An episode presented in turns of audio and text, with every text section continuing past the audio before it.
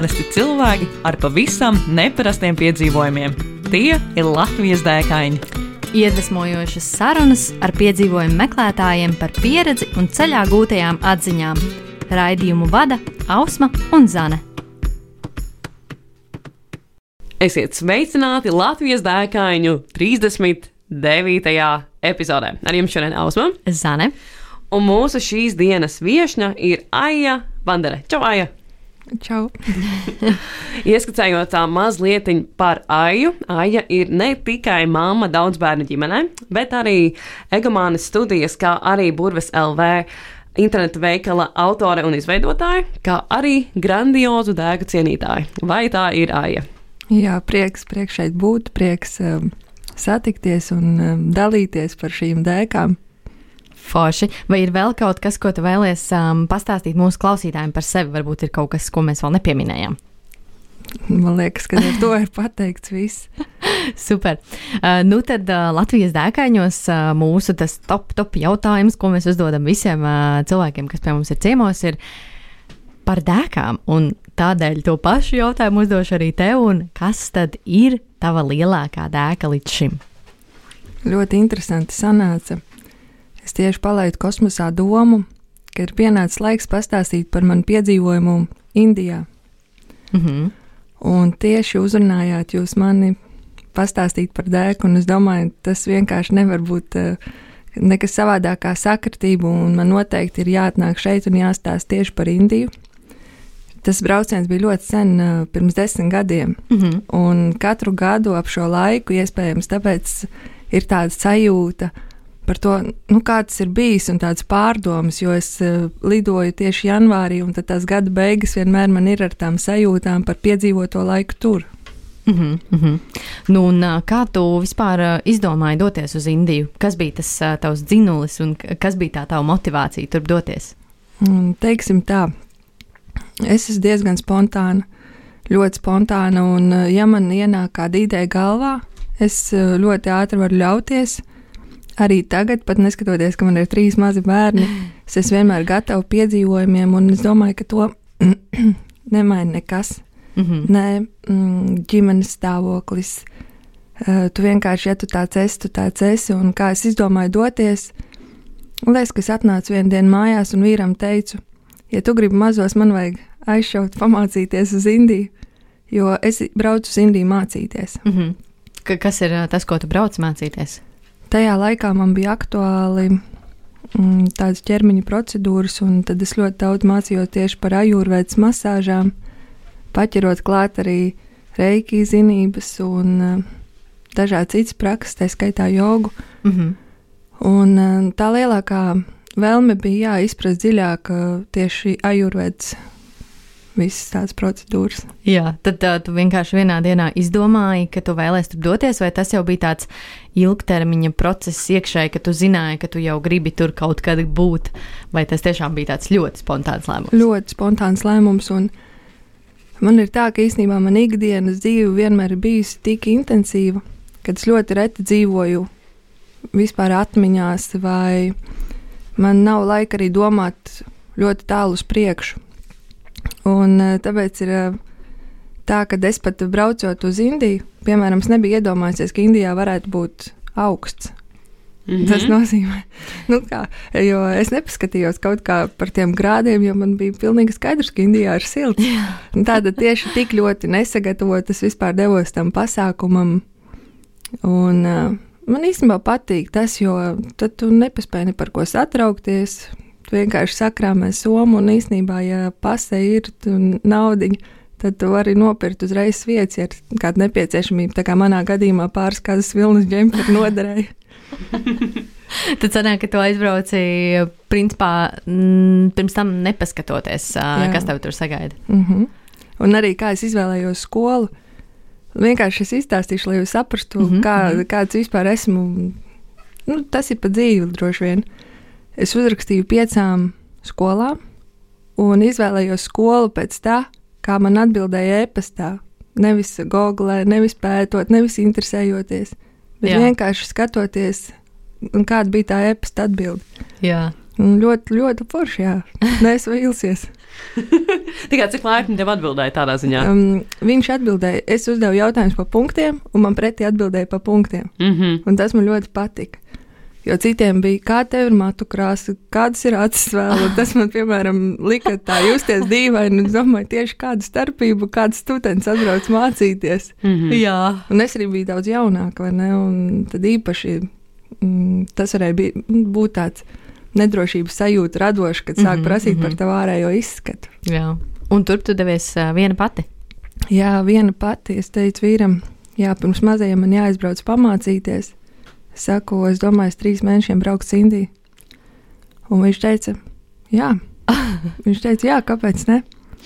Tas gan izklausās ļoti forši. Jā, un, un īsnībā, kad es to izdomāju, man nebija naudas, eh, nekā nebija.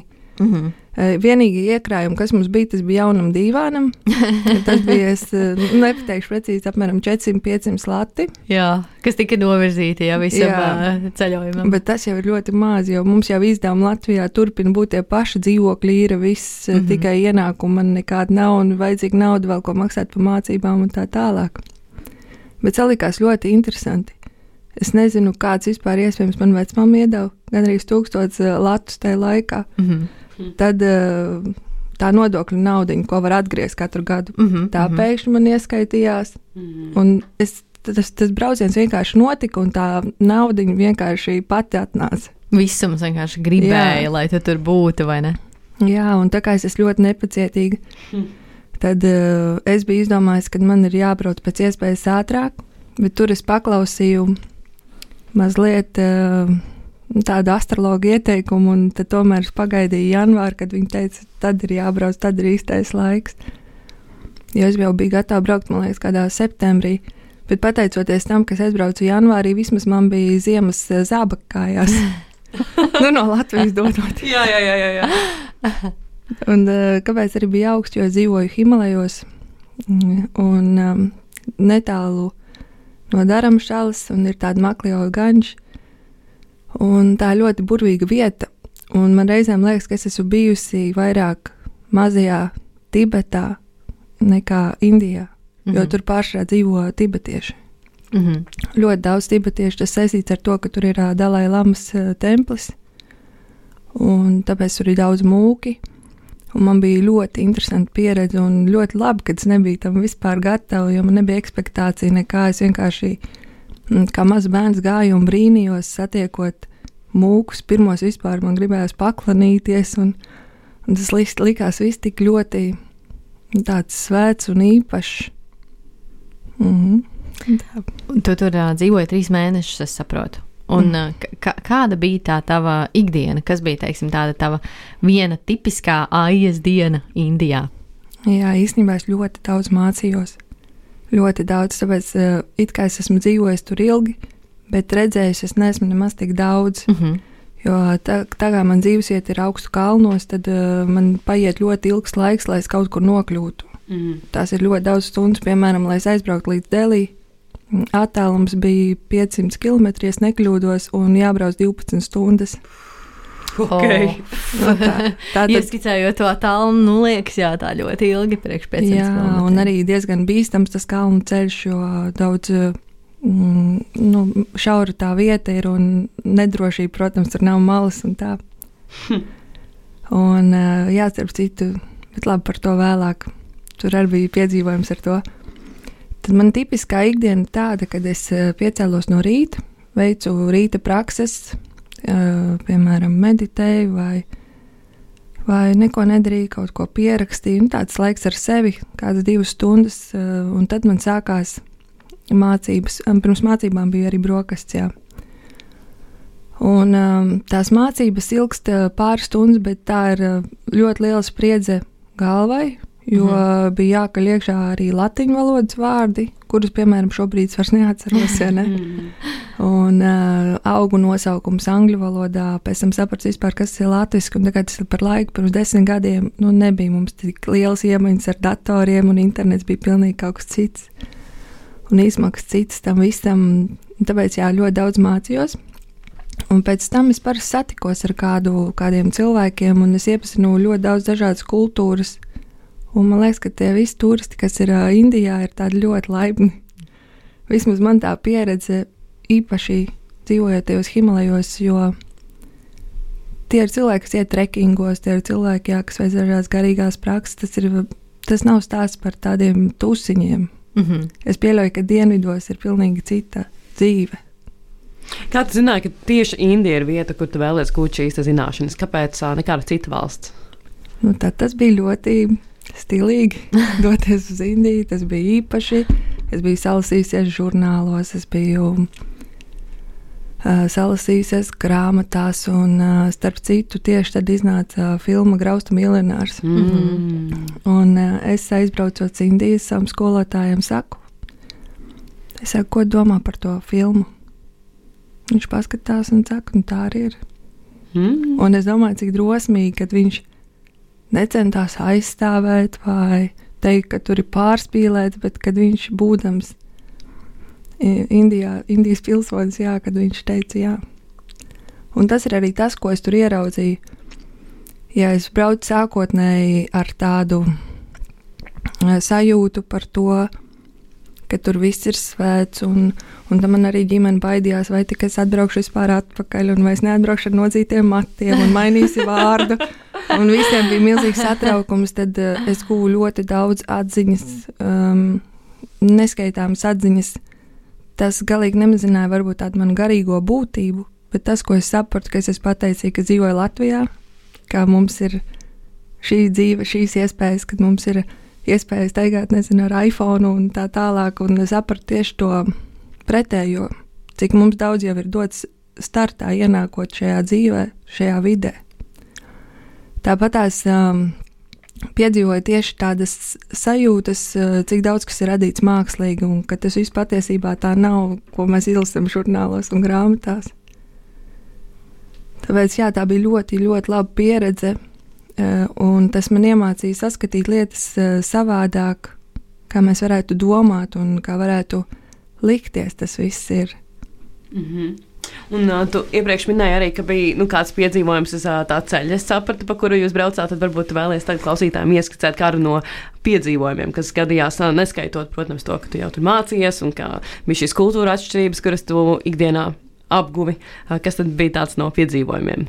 Nu, droši vien tas mans lielākais piedzīvojums bija tas izbrauciens uz Nepālu ko es darīju, arī veids tieši tikpat spontāni kā braucienu uz Indiju. uh, bija tā, ka es uh, sēdēju kādu vakaru uz balkona savā istabā, un man kaimiņš bija kanādietis. Viņš teica, ka viņš dosies uz Nepālu, mm -hmm. un sāka man stāstīt par Nepālu. Un teica, ka jau biļets maksā, man liekas, kādi 50 lati, un man likās, wow, cik lēti man arī ir jāizbrauc, jo tas ir blakus un tā un tā. Un tā es iespaidojoties no viņas stāsta, nolēmu doties uz Nepālu. Mm. Viss, kas man bija, bija viņa e-pasts, pat ne telefona numurs. Tā cilvēka, bet zināja, ka viņš tur brauc meditēt, un kad iespējams viņu varbūt satikšu uz kādu brīdi tikai, bet tā jau bija tā drošības sajūta, ka tur kāds ir. Mm -hmm. Rezultātā es, nu, var sakot, sapratu, ka es viņu tur nesatikšu. bet atteikties jau arī vairs negribēju, jo skolā viss bija saorganizēts, un es kāpu lidmašīnā, un te ir mans stāsts. Man visu laiku tur bija eņģeļi. Man bija tā, ka es lidmašīnā kāpjot ārā, sapazinos ar vienu hipsteri arī no Kanādas, eh, tādu vecu onkulīti ar mhm. bārdu. Mm. Nā, pat nevar teikt, vai onkulīte tas izklausās šausmīgi. Nē. Tas ir tāds, tā, tāds onkulīts, kurš sēstos uz moču un laistu dzīvē. Jā. Tāds. Okay.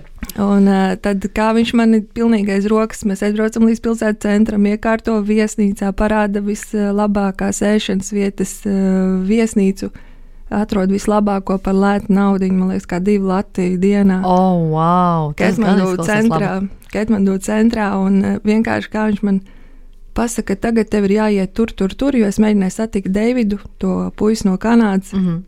Un tad, ejot uz to vietu, pa ceļam ieraudzīju, ka tur ir arī apskats objekts, ko es gribētu redzēt. Un tur savukārt man satiek divi ka, uh, studenti, Nepāls. Un viņi saka, ka Vai man nebūtu iebildumi, ja viņi trenētos angļu valodu un vienkārši parādītu visu apkārt? O, cik forši! Un tā man viens sargaņģēlis nodeva otram. Mm -hmm. Un tie puiši manā ceļā bija vēl tur citu dienu, viņi aizved manas autobusu, pietur vēl kaut ko. Un uh, arī iesēdināja tādā autobusā, kur bija smieklīgs, uh, jo tur soli sanāk katrā autobusa pusē, nu, sēdu uz soliem tādā būrītī. Mhm. Un sāk runāt ar mani viens tāds vecāks kungs, un es domāju, ka Dievs, kāpēc viņš ar mani runā, un es tomēr esmu simpātiska meitene, un es ļoti piesardzīgi ar vīriešiem tur nerunāju, acis no- noduru. Un viņš sāk runāt, un viņš saka, ka viņš ir universitātes pasniedzējs, un ka viņam ir ļoti interesanti ar mani aprunāties, un ka viņš izkāps labprāt pie tās apskates vietas un visu parādīs, izstāstīs. Un tas bija kolosāli. Un tad viņš saka, varbūt tu vēlies eh, nākt uz manu māju pusdienās, man sieva sagatavos. es domāju, ak, Dievs, bet nu, ir tās visas tās domas, bet varbūt viņš ir. Nu, Jā, jā, kaut Nu, kaut kāds, ļaunais, kaut kāds ļaunais.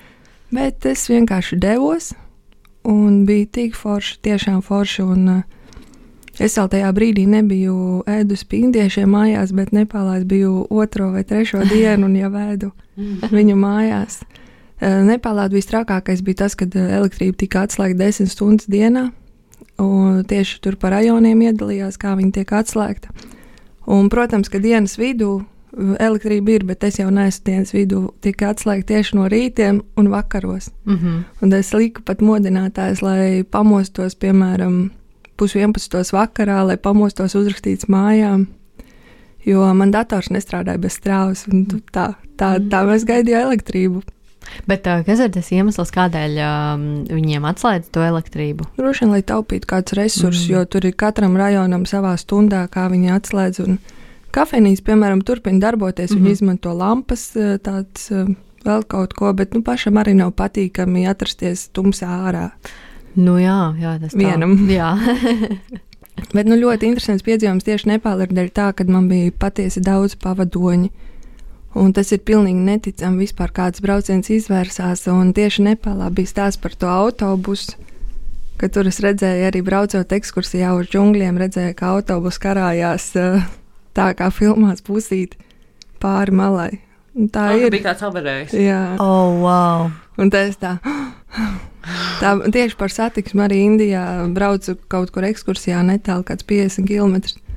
Arī Indijā bija tā, ka um, mašīnas, sanāk smagā mašīna brauc pretī, un mēs ar autobusu, un viņi nevar samainīties. Nav variantu vispār, Mhm, nevienam ne uz atpakaļ, ne uz priekšu. Viņi abi izkāpa, paskatījās viens uz otru. Ok, un tā gar sāniem viens otru. Un tas arī ir tāds nu, neaizmirstams uh, moments, uh, tāpēc, ka viņi ļoti labi saprata, kādas sekas ir, bet viņi saprata arī, ka jau variantu nav. varianti, jā. Nebrauks jau atpakaļ gaitā tagad no sākuma punkta, vai ne? Tā kā jā, nu, uz jā. sākuma. Bet viņi, man liekas, pat nevarēja tur nu, ļoti ierobežot bija apstākļi, jā, lai tiktu atpakaļ gaitā.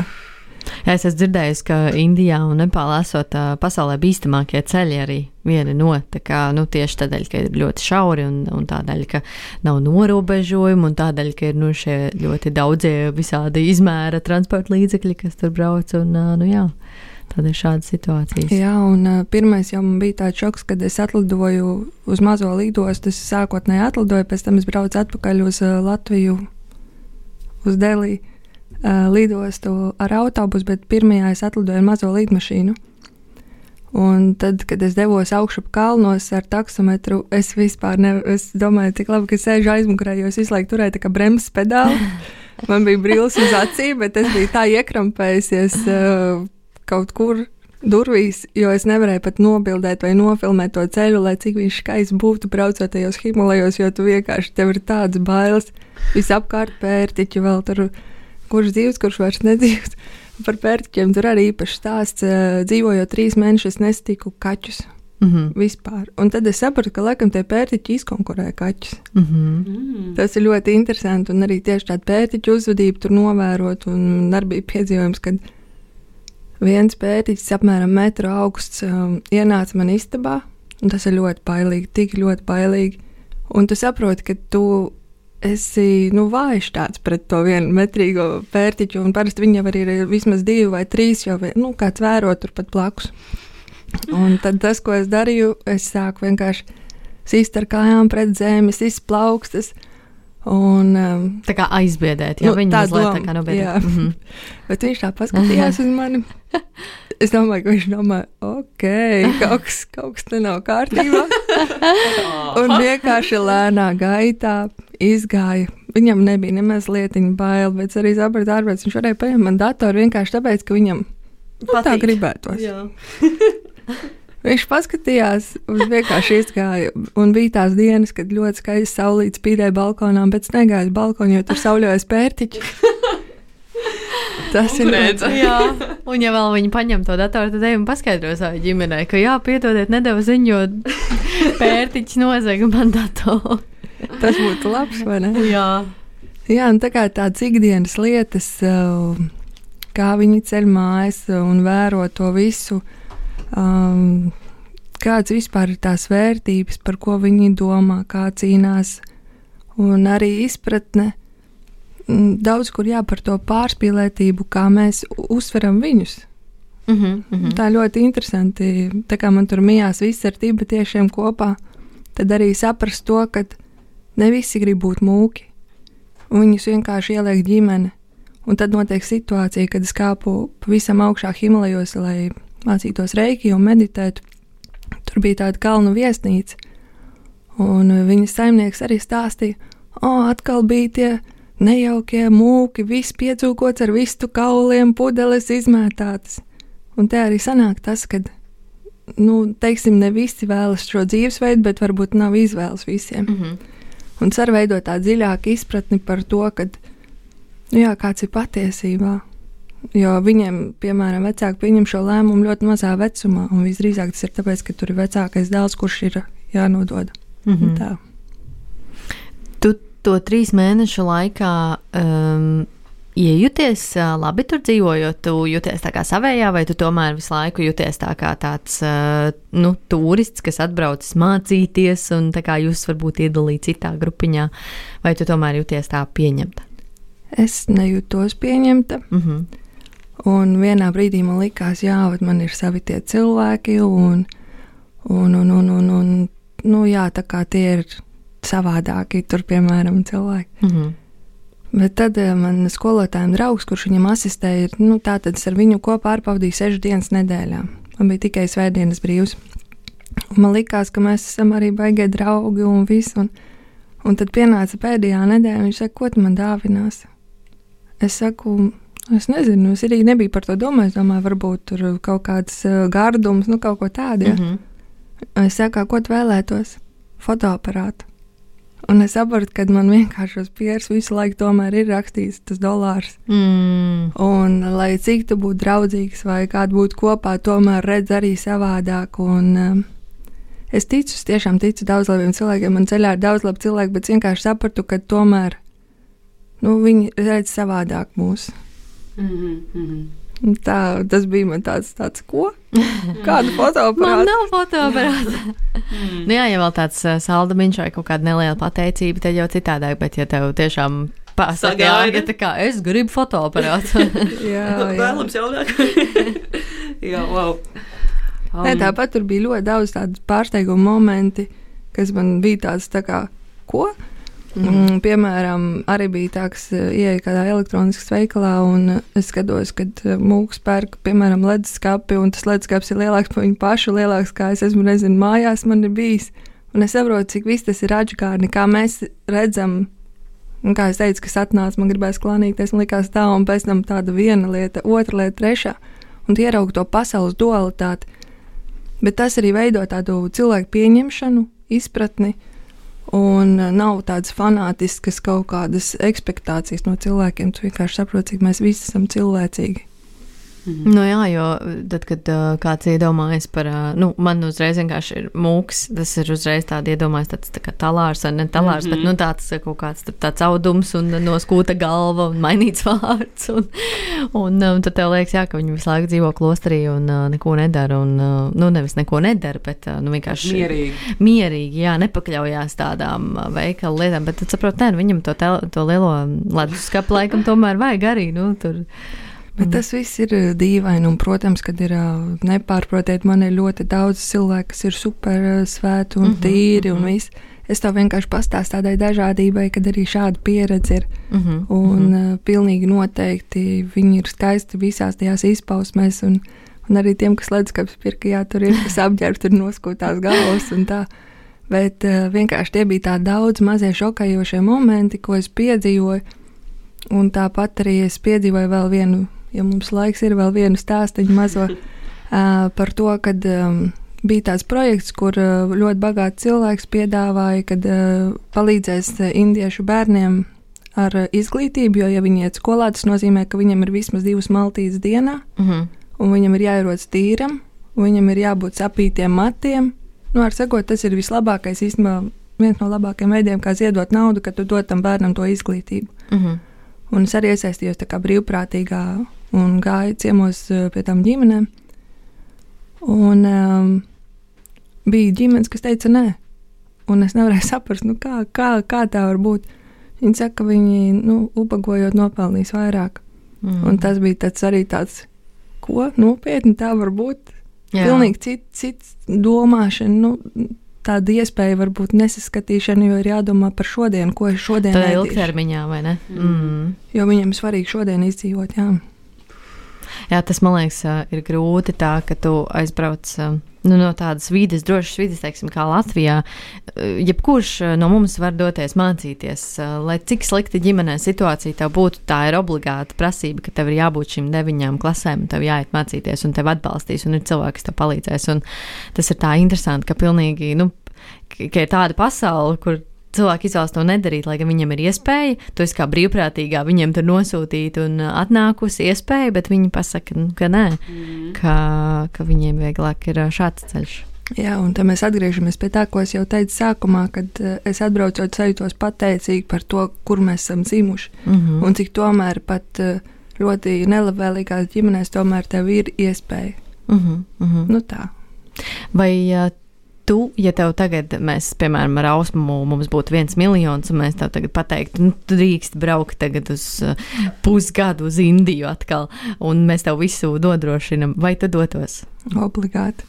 Tā ir Tur, tāda vieta, kur tur- tu gribi doties. Jā. Tur pa, uh, es neesmu vairāk bijusi, kas ir ļoti dīvaini, ja, jo tas tiešām bija notikumi, bija ļoti spilgti. Īpaši tāpēc, ka es biju viena un uh, man bija ļoti daudz laika būt ar sevi un to visu pārdomāt. Ja. Mm -hmm. Bet es, es skatījos savu blogu, biju pierakstījis tā brīža sajūtas, uh, un um, es ieraudzīju, ka es tur esmu solījusies, ka vislabākais būtu, ja es 30 gadu dzimšanas dienā ar mocu izbraukātu Indiju krustu šķērsu. Uh, tur bija plāns diviem vai trīs mēnešiem.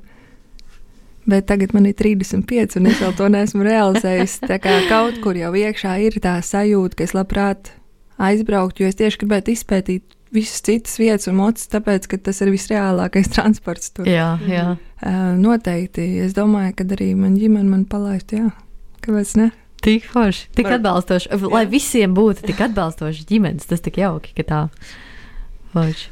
Mm, Super, paldies, Aika, dalījies uh, par tik dažādiem stāstiem no savas Indijas pieredzes. Un mūsu sarunai virzoties jau uz otru pusi, mums tad ir arī jautājums, kas tad ir tā dēka, kuru tu klausītājiem ieteiktu piedzīvot šeit, pat Latvijā. Mm -hmm. Tad um, otra tā dēka ir, kad um, pagājušajā gadā ap šo laiku es sāku domāt, un ko mēs darīsim ar mazajiem bērniem, kā mēs pavadīsim vasaru. Jo citus gadus mums ir bijusi iespēja, piemēram, īrēt vasarnīcas bet saistībā ar visiem pēdējā laika notikumiem. Mēs sapratām, ka īsti nevarēsim varbūt arī atļauties tā īrēt vasarnīcu. Mhm. Un tad es intensīvi sāku domāt, nu, kādas vēl ir iespējas, eh, kā mēs varētu radīt foršu piedzīvojumu. Un, eh, jā, mēs devāmies apceļot Latviju.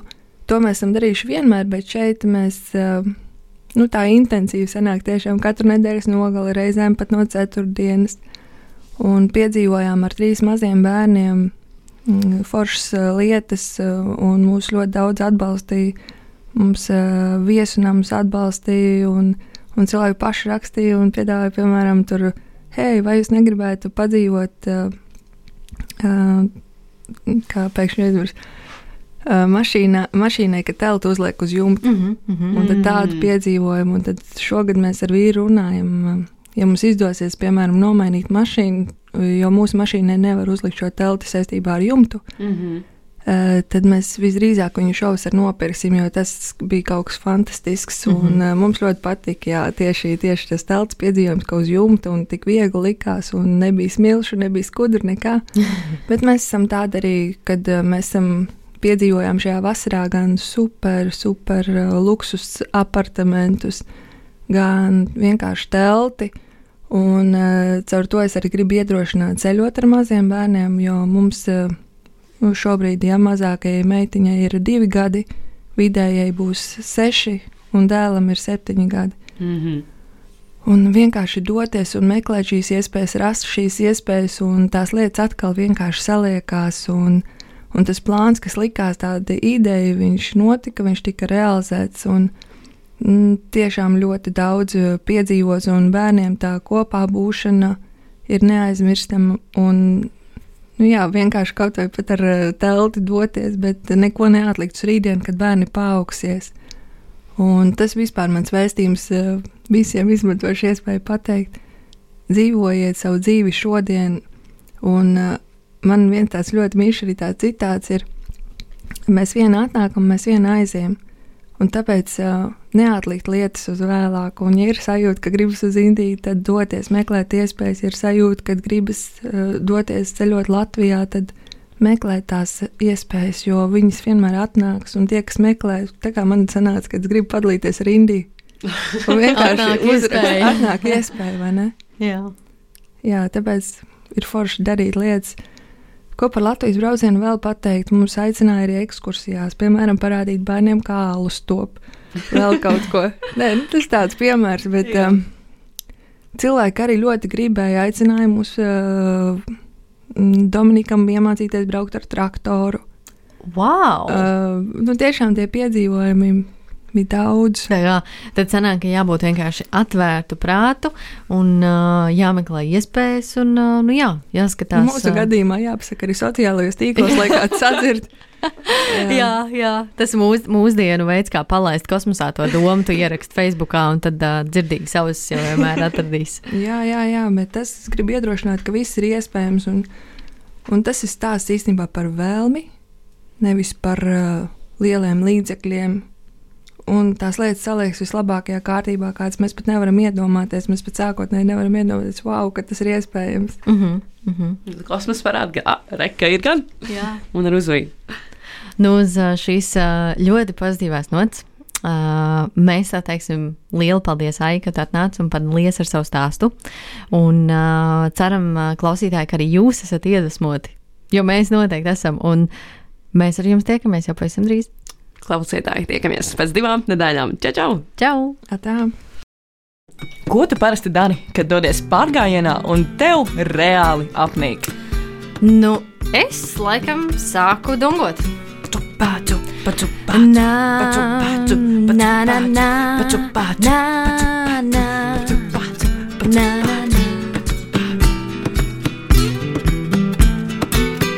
Iedvesmojošas sarunas ar piedzīvojumu meklētājiem, viņu pieredzi un ceļā gūtajām atziņām. Katru otro trešdienu, 2011. Radio Nabaviļņos. Raidījumu vada Ausma un Zana.